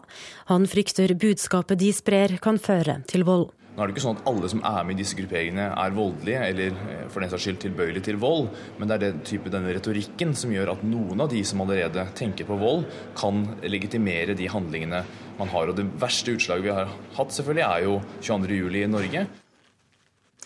Og Antirasistisk Senter har varslet en folkefest mot eh, rasisme på Grønland i morgen for å vise sin avsky mot demonstrasjonen. Lederen for senteret er gjest i Politisk kvarter. Reporter var Siv Sandvik. EUs ledere er enige om et veikart for euroens fremtid. Det sa Tysklands forbundskansler Angela Merkel i natt. Lederne i EU-landene er samlet på et todagersmøte i Brussel for å finne en vei ut av den økonomiske krisen. Og etter flere år med uro kunne EU-toppene konkludere med at det har vært en bra uke. Først fredsprisen, og så et banktilsyn, som de igjen tror skal få tilliten tilbake i markedet. Det var stor stemning på EU-toppmøtet i går kveld. Etter flere måneders harde diskusjoner kan de nå se fremover. We agreed to establish in the first half of next year an operational framework Første halvår skal vi få på plass et rammeverk, sa van Rompuy. Allerede til våren skal reglene være på plass. Det ble likevel debatt rundt tilsynet, som i første rekke gjelder alle eurolandene. Flere EU-land har sagt de ikke vil knytte seg til det, som Danmark og Storbritannia. Også Sverige er avventende. Reporter Åse Marit Befring. Og korrespondent Hege Moe Eriksen, hva er grunnen til at land som Storbritannia, Danmark og Sverige ikke vil være med i denne bankunionen? Ja, dette banktilsynet er jo den første og viktigste byggesteinen i det som skal bli en europeisk bankunion. Altså en union med felles regler, felles tilsyn og ikke minst et felles fond for innskuddsgarantier for banker. Det betyr at land må åpne lommebøkene sine. Det blir altså tyske og franske skattebetalere som skal garantere for greske og spanske banker. Det er planen, men det vil ikke Sverige være med på. Statsminister Statsminister eh, Fredrik Reinfeldt sa i går at Sverige ikke kan bli med før man føler det er garantert at svenske skattebetalere ikke må ta regninga for eh, bankproblemer i andre land. Ja, EU er ikke i mål ennå for å få tilbake den tilliten euroen trenger. Hva mer må på plass? Blant annet så må de få på plass en fullverdig bankunion, og det er mange uløste oppgaver og tøffe tak som venter Europas ledere. Til neste år så skal de altså forhandle om hvem som skal betale for denne bankunionen. I tillegg så tar de også uh, fatt på uh, litt mer tunge, langsiktige reformer som skal styrke økonomistyringen i eurosonen. Og det er konturene av en helt annen eurosone vi ser nå, med mye tettere integrasjon integrasjon, men det tar lang tid å få alt på plass. Takk til deg, korrespondent Hege Mo Eriksen. Uværet i sør og i vest har roet seg, men utover dagen og i helgen kan det falle opp mot en halv meter snø i Sør-Norge. Langs kysten i Rogaland kan det blåse opp til storm. Og reporter Siri Vikne Pedersen, du er på Madlaveien i Stavanger. Hvordan ser det ut der nå? Her blåser det friskt. Det er snø på bakken fra i går. Det er 1 to minusgrader, så det er ganske kaldt. Men trafikken flyter mye bedre i dag. I går var det kaos når trafikken Eller når alle våkna opp og det var kommet mye snø i Rogaland. På Jæren ble flere veier stengt og brøytemannskapet måtte konsentrere seg om å holde fartsåra E39 fra Kristiansand til Stavanger og mot Haugesund ren for snø.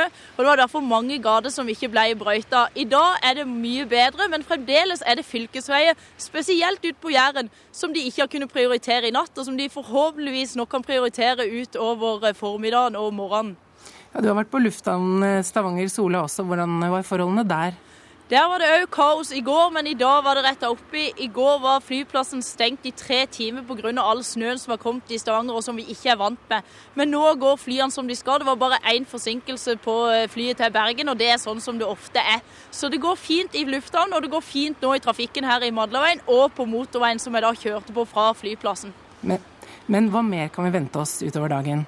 Det kommer til å blåse mer enn eh, friskt, sånn som det gjør nå. Det kan gå opp i full storm, og senere kan det òg komme mer nedbør. og Det er jo da det store spørsmålet er hva gjør vi med det, og er nå slagplanen lagt for brøytinga? For hvis det blir sånn som i går, så kan det igjen bli kaos. Vi er ikke vant med sånne mengder.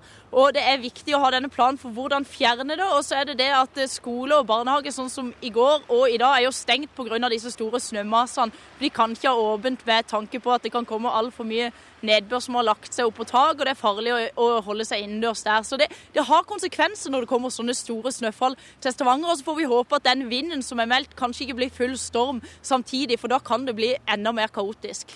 Takk skal du ha, Siri Vikne Pedersen. Gym for alle elever hver dag, opprustning av svømmehaller og flere turstier og sykkelveier. Det er noe av det Kristelig Folkeparti foreslår for å få flere til å bevege seg mer. Se hvor gøy de har det. Stortingsrepresentant Line Henriette Hjemdal er på besøk i gymmen hos fjerdeklassinger på Møllergata skole i Oslo. De trives med å få ut uh, litt krefter som de har i løpet av skolehverdagen, og så lærer de mer når de kommer tilbake til de teoretiske fagene.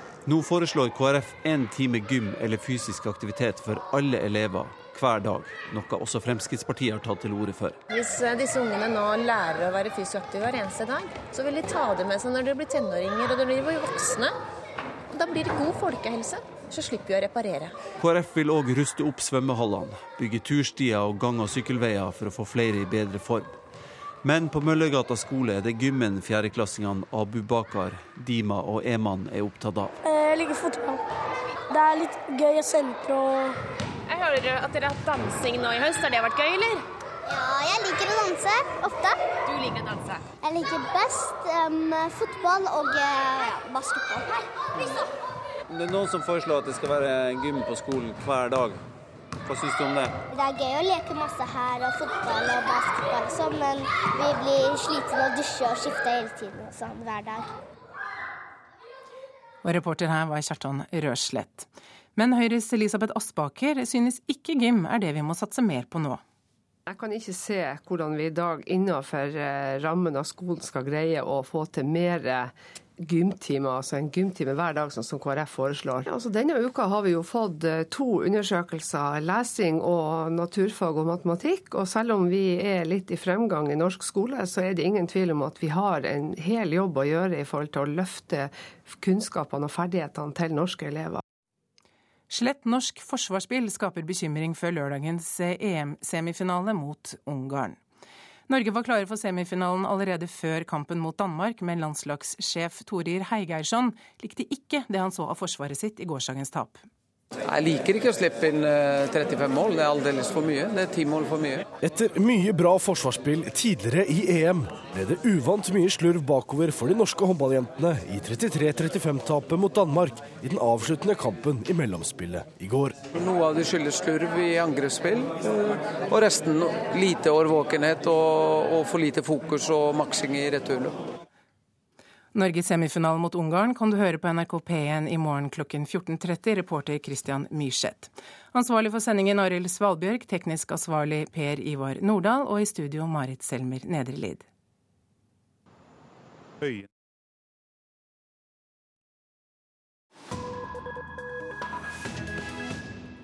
Klokka er 7.40 og Nyhetsmorgen fortsetter.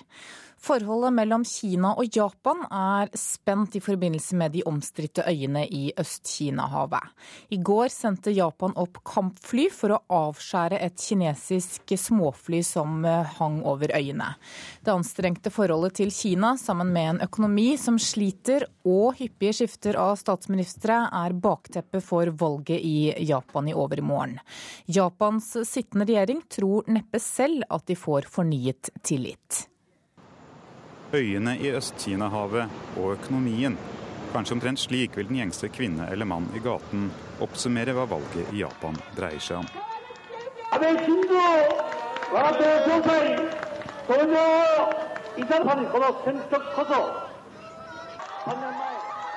Shinzo Abe snakker gjennom en mikrofon fra taket på en valgcampus i Tokyo. Svært mye skal endre seg om Abe sammen med hans liberaldemokratiske parti etter denne helgen ikke står frem som valgvinnere. Valget på nytt underhus i parlamentet, eller dietten som de heter i Japan, handler også om hvordan partiene i sentrum og til venstre har misbrukt en historisk sjanse til å vise seg styringsdyktige. Shinzo Abe har på sin side fått en andre sjanse til å bli statsminister, som han selv for ganske kort tid siden ganske sikkert ikke ville trodd var mulig. At Shinzo Abe nå igjen mest sannsynlig blir statsminister for andre gang, er fordi alle andre høyrekandidater står utladet på sidelinjen. Hva er så annerledes? Da Shinzo Abe i 2006 overtok etter den Elvis-elskende, karismatiske, men litt ensomme og Kina-hissende Yunichiro Koizumi, forsøkte Abe å stå frem som forsonende og pragmatisk. Viktigheten av å få et mer konstruktivt forhold til Kina var et hovedbudskap. Nå er Kina inne i et lederskifte og eskalering i konflikten om øyene Senkaku, eller på kinesisk Diayu. Og Abe fremstiller seg som den som kan hevde Japan og Japans interesser.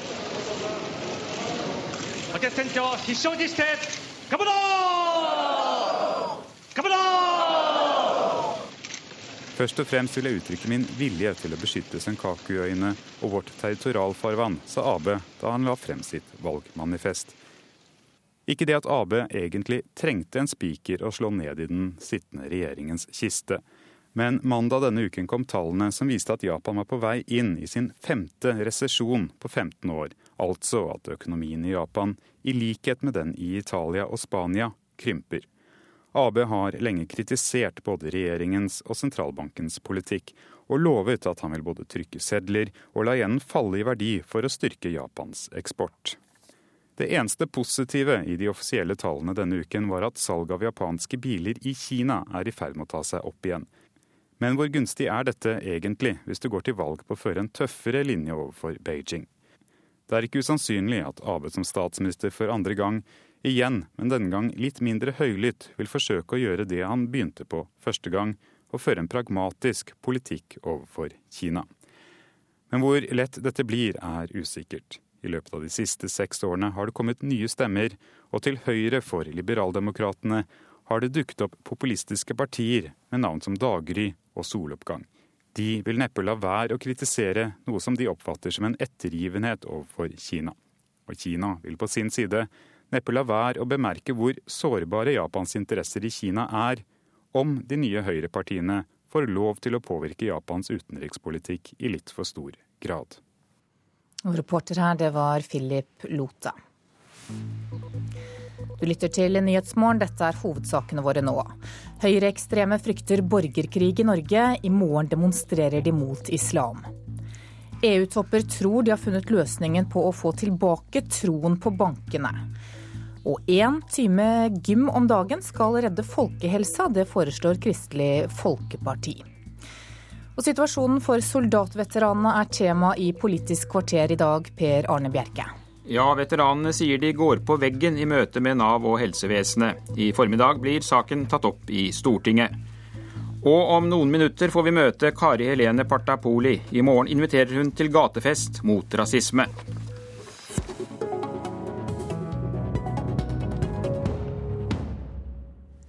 I formiddag skal Stortinget drøfte situasjonen for soldatveteranene som har gjort tjeneste i utlandet. Mange føler at de møter veggen når de skal søke hjelp hos Nav og helsevesenet. Anders Grinaker, du representerer Veteranforbundet SIOPS og har medlemmer som har blitt skadd under militære oppdrag i utlandet. Hvor eh, vanskelig vil du si at eh, situasjonen er for dine medlemmer? Nei, Soldatene er en eh, egen gruppe, en egen gruppe skadde. Og er ikke en del av det vi kan kalle det kjente kjente delen for det sivile uh, hjelpeapparatet. Det er i grunnen hovedproblemstillingen. Blir de ikke tatt på alvor når de kommer og ber om hjelp? Jo, det gjør man for så vidt når man har fått stilt en riktig diagnose. Men dette handler faktisk om at uh, Norge har glemt krigen. Og vi er i ferd med å lære krigen på, på nytt.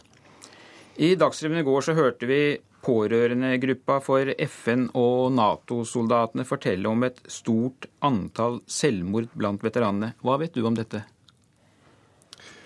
Det er helt sikkert at eh, selvmord har forekommet, men, men de tallene som ble lagt frem i, i, går, var vel omtrent det som er eh, gjennomsnittet.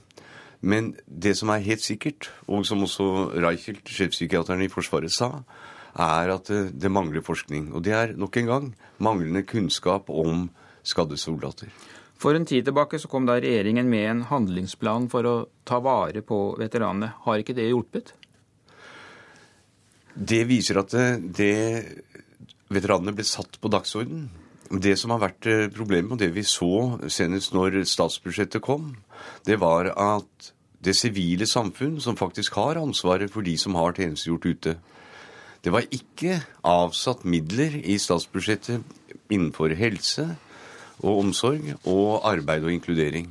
Med andre ord, de store planene blir ikke implementert med midler. Ine Eriksen Søreide fra Høyre, du leder eh, Stortingets eh, utenriks- og forsvarskomité. Og det er du som tar opp eh, veteranenes situasjon i Stortinget senere i dag. Hva mener du er galt med den oppfølgingen soldatene får når de kommer hjem? For det første så har jo Forsvaret gjort mye bra de senere åra for å hjelpe de veteranene som blir skadd. Eh, det å, være veteran er jo ikke en diagnose i seg sjøl. Vi vil jo gjerne heller si at det er en hedersbetegnelse. Og veldig mange av veteranene har det helt fint etter en tjeneste, men noen sliter. Og da er det særlig møtet med det sivile helsevesenet, sivile hjelpeapparatet, Nav, ikke minst Statens pensjonskasse, hvor saksbehandlinga går treigt, hvor de opplever uoversiktlige og urettferdige ordninger. Eh, og ikke minst så møter de manglende kompetanse. Eh, det er veldig få som sitter i det eh, sivile hjelpeapparatet som faktisk forstår eller veit hva de skadde veteranene har vært utsatt for. Det finnes lite dokumentasjon fra eh, operasjonene f.eks. i Libanon. Det finnes ikke stridslogger, det er gradert informasjon. Det er vanskelig å nå igjennom, og det blir en voldsom tilleggsbelastning for de som allerede er skadd. Forsvarspolitisk talsmann i Arbeiderpartiet, Sverre Myrli, det er du som må forsvare regjeringen. Hvorfor blir det ikke gjort mer for å hjelpe veteranene? Ja, nå må jeg si at her har det nok vært forsømmelser fra statens side i mange tiår. Må huske på at vi har hatt folk i utenlandsoperasjoner helt ifra etter andre verdenskrig. Med Tysklandsbrigaden, vi har hatt folk i Kongo, vi har hatt svært mange i Libanon, på Balkan. Og nå i Afghanistan og andre steder.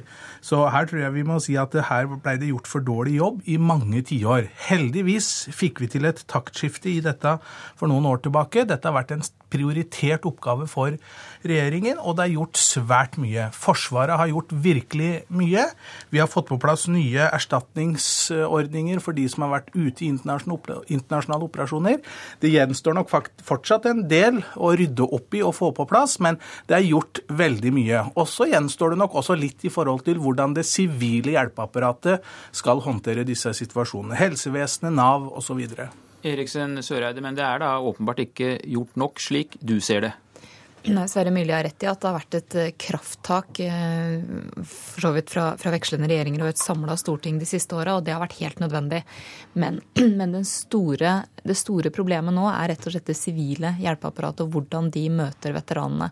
Jeg snakker med mange skadde veteraner som etter min oppfatning forteller en veldig sterk historie om at det var nesten enklere å klare krigssituasjonen på bakken eh, der de var, enn det er å klare kampen mot Nav og Statens pensjonskasse. Og sånn skal det ikke være.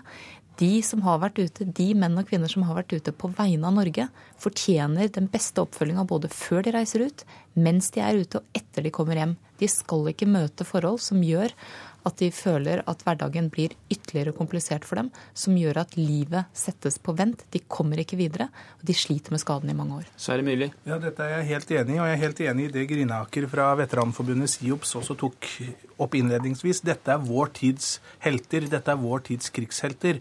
Og Derfor så må myndighetene også stille opp for dem før de reiser ut i tjeneste, under tjeneste og etter tjeneste, som vi nå snakker om.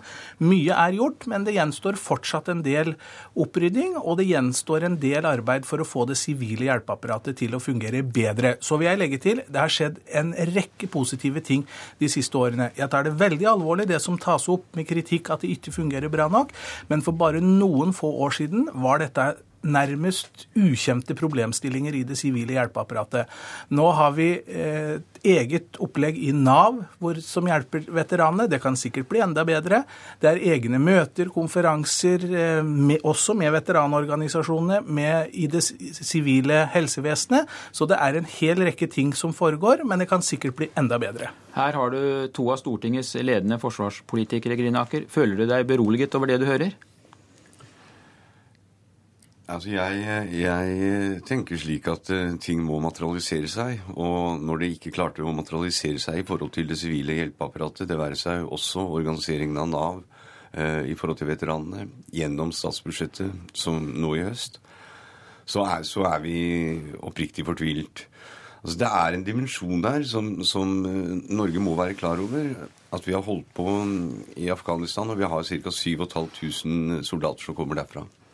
Intensiteten i Afghanistan har vært ekstremt høy. Det er ingen grunn til å tro at vi ikke kommer til å få noen skadede derfra. Og hvis ikke hjelpeapparatet er på plass nå, så får vi en ny generasjon tapte veteraner, slik som Libanon og Balkan ble. Med andre ord, vi har en sjanse til å gjøre det riktig nå, men det må materialisere seg. Og da når da det ikke er penger til å holde disse kurs og konferansene og implementere kunnskap i helsevesenet, da taper vi. Myrli, hvorfor skal det være så fryktelig vanskelig å få til ordninger som gjør at soldater som kommer hjem, kan gå på Nav og få den hjelpen de har behov for? Aller først vil jeg si at det, hvis det er slik Grinaker sier, så bør jo det ryddes opp i umiddelbart. Jo, hvorfor skal det være så sånn vanskelig å få det til? Så vil jeg også si at, Husk på at vi har Nav-kontorer i alle landets kommuner. Det, jeg tror ikke vi kommer dit enn at det kan sitte kompetanse på alle landets Nav-kontorer til å ta imot en veteran fra Libanon eller eh, Balkan eller Afghanistan. Men derfor så har jo Nav nå etablert det de kaller spisskompetanse på dette området på, hos Nav på Elverum. Elverum Rena er av de største forsvarskommunene vi har i landet, og da skal andre Nav-kontorer kunne spille på de og bruke de. Det er ikke mulig å ha denne kompetansen på alle Nav-kontorer, f.eks. Så jeg bare sier det som et eksempel på at det gjøres veldig mye, men det kan sikkert bli bedre, og det er noe med organiseringen som helt sikkert kan gjøres annerledes. Eriksen Søreide.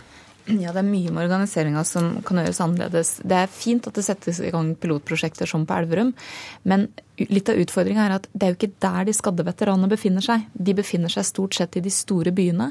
Og jeg syns jo regjeringa burde legge opp til å bruke den ressursen veteranene er, og bruke den kompetansen de har på eh, Nav-kontorene i Statens pensjonskasse. I gamle dager, eller ikke så riktig gamle dager, så fantes jo Krigsinvalidekontoret i Rikstrygdeverket. Der satt det en samla kompetanse som faktisk kunne noe om de skadene som veteranene eh, pådro seg og som på den måten kunne være en tanke å gjeninnføre en tilsvarende ting som det. Grinaker. Da, da, dette kontoret på Rena som nevnes ble etablert, så var det første vi spurte om, var om dette kontoret ville ha vedtakskompetanse. Svaret var nei. Ja, da blir det nullitet, ikke sant? Fordi at uh, kompetanse pulveriseres. Det er det ene. Uh, det, det, andre er jo at um, vi må nå være sikre på at vi vil og ikke bare synse, men å ville noe. Og det må materialiseres helt konkret. Fordi, som sagt, vi har en ny generasjon veteraner. De skal ikke tapes. Dette er jeg helt enig i, og derfor så og jeg har veldig senkte skuldre om hvordan disse ordningene skal være, hvor de fysisk skal være, av ulike kontorer. Det må bare ryddes, det må gjøres en jobb. For det er klart, veteranene skal tas bedre vare på enn det de ble i mange tiår i Norge. Og Der klarte du å få siste ord, eh, Sverre Myrli, og det blir mer om denne saken i Stortinget i formiddag.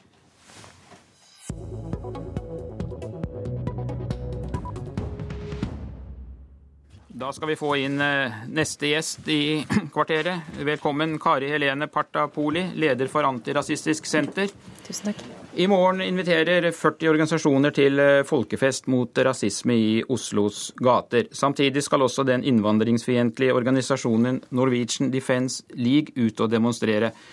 Hvorfor svarer dere på denne demonstrasjonen med en folkefest? Det er jo eh, viktig for oss å eh, vise mangfoldet i eh, Oslo. Vise de positive delene ved mangfoldet. Vi har ikke tenkt, oss, har ikke tenkt å diskutere direkte med Norwegian Defence League eller nærme oss der de er. De kan stå og spre sitt budskap der de vil. Men det vi ønsker, det er å, det er å vise det motsatte av det de påstår. Så det blir, det blir en tromme trupp fra Lakkegata skole med 5. til 7. klassinger som skal spille. Det blir uh, ungdom mm. med hiphop, og, og, det blir selvfølgelig også et politisk ja. innhold.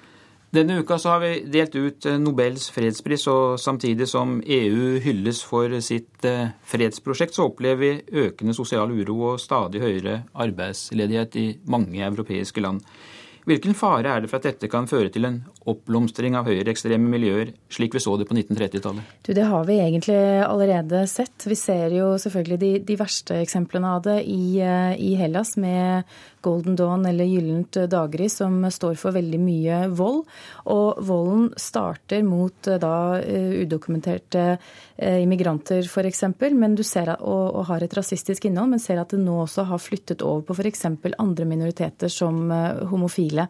Så, og vi ser, vi ser i Bulgaria og Ungarn ser vi nynazistiske, fascistiske partier. Det er bare et par uker siden at man i parlamentet i Ungarn, Ataka, der eh, spurte om eh, man kunne få vite hvor mange jøder som satt i eh, maktposisjoner i Ungarn. Så vi ser at de høyreekstreme kreftene i Europa er, er ganske fremtredende for tiden. Det er en, det er en urovekkende utvikling. Frykter du at dette også skal spre seg hit til landet? Vi har jo ikke den sosiale uroen og arbeidsledigheten, særlig ikke den store ungdomsarbeidsledigheten som er i Europa. Men, men, vi har jo de samme bevegelsene i Norge også. De er jo veldig små. Det er jo et helt annet nivå. Eh, Norwegian Defence League, eh, som skal ut nå i helgen, de har jo aldri klart å være mer enn 40 stykker på en demonstrasjon. Så det er klart det er en helt annen eh, oppslutning i Norge enn det er i resten av Europa. Men vi har jo de samme bevegelsene, selv om vi ikke har den samme sosiale uroen. Men er det ikke en fare for at dere nå gir denne Norwegian Defence League litt uh, unødvendig oppmerksomhet? De er jo veldig få, som du sier. Mm. Det er veldig viktig å, å si ifra om uh, disse bevegelsene. Og det er viktig spesielt kanskje nå når de kommer på Grønland. Vi ser jo at uh, moderorganisasjonen til Norwegian Defence League, English Defence League, har brukt dette som en bevisst strategi i Storbritannia med stort hell. Hvor de har vært i lokalmiljøer for å provosere da særlig, særlig ungdom. For oss er det viktig å gi også et alternativ til å kunne si si ifra mot Norwegian Defence League på en eh, positiv og god måte, uten å gå i eh, konfrontasjon med dem. Så jeg mener at det er viktig å si ifra hva vi står for. Selv om vi jo ikke kan, er i nærheten av det som skjer andre steder i Europa, vil du si at vi har mye rasisme i Norge i dag? Nå må, er det viktig å skille på eh, ekstremistiske grupper og det som eh, man kan kalle skjevfordeling, institusjonell rasisme. Eh, vi har et problem, en stor utfordring med diskriminering i Norge. Innvandrerbefolkningen sier at de opplever omkring altså 50% av de oppgir at de har opplevd diskriminering. Det er klart det er det store samfunnsmessige problemet, og det er der vi må jobbe mest. Mm. Men de ekstreme gruppene står jo et helt annet sted enn den, den, delen. Så jeg tror det er litt viktig å skille på de tingene. Men kan du forstå det ubehaget enkelte føler når man f.eks. nærmest blir overfalt av nokså pågående utenlandske tiggere i Oslos gater? Jeg kan forstå at det er ubehagelig å se fattigdom eh, såpass nære, men svaret kan aldri være vold eller, eller hat. Vi må kunne løse samfunnsproblemene våre og utfordringene på helt, et helt annet nivå enn å gå i en noe bisarr oppfatning av at vi er eh, i en borgerkrigssituasjon, som jo da ekstremistene har. Vi, de fleste av oss kan diskutere også utfordrende problemstillinger uten å eh, bruke krigsretorikk. Takk skal du ha for at du kom hit til Politisk kvarter, Kari Helene Partapoli, leder for Antirasistisk Senter. Og snart fortsetter Nyhetsmorgen med Anne Jetlund Hansen. Dette var Politisk kvarter.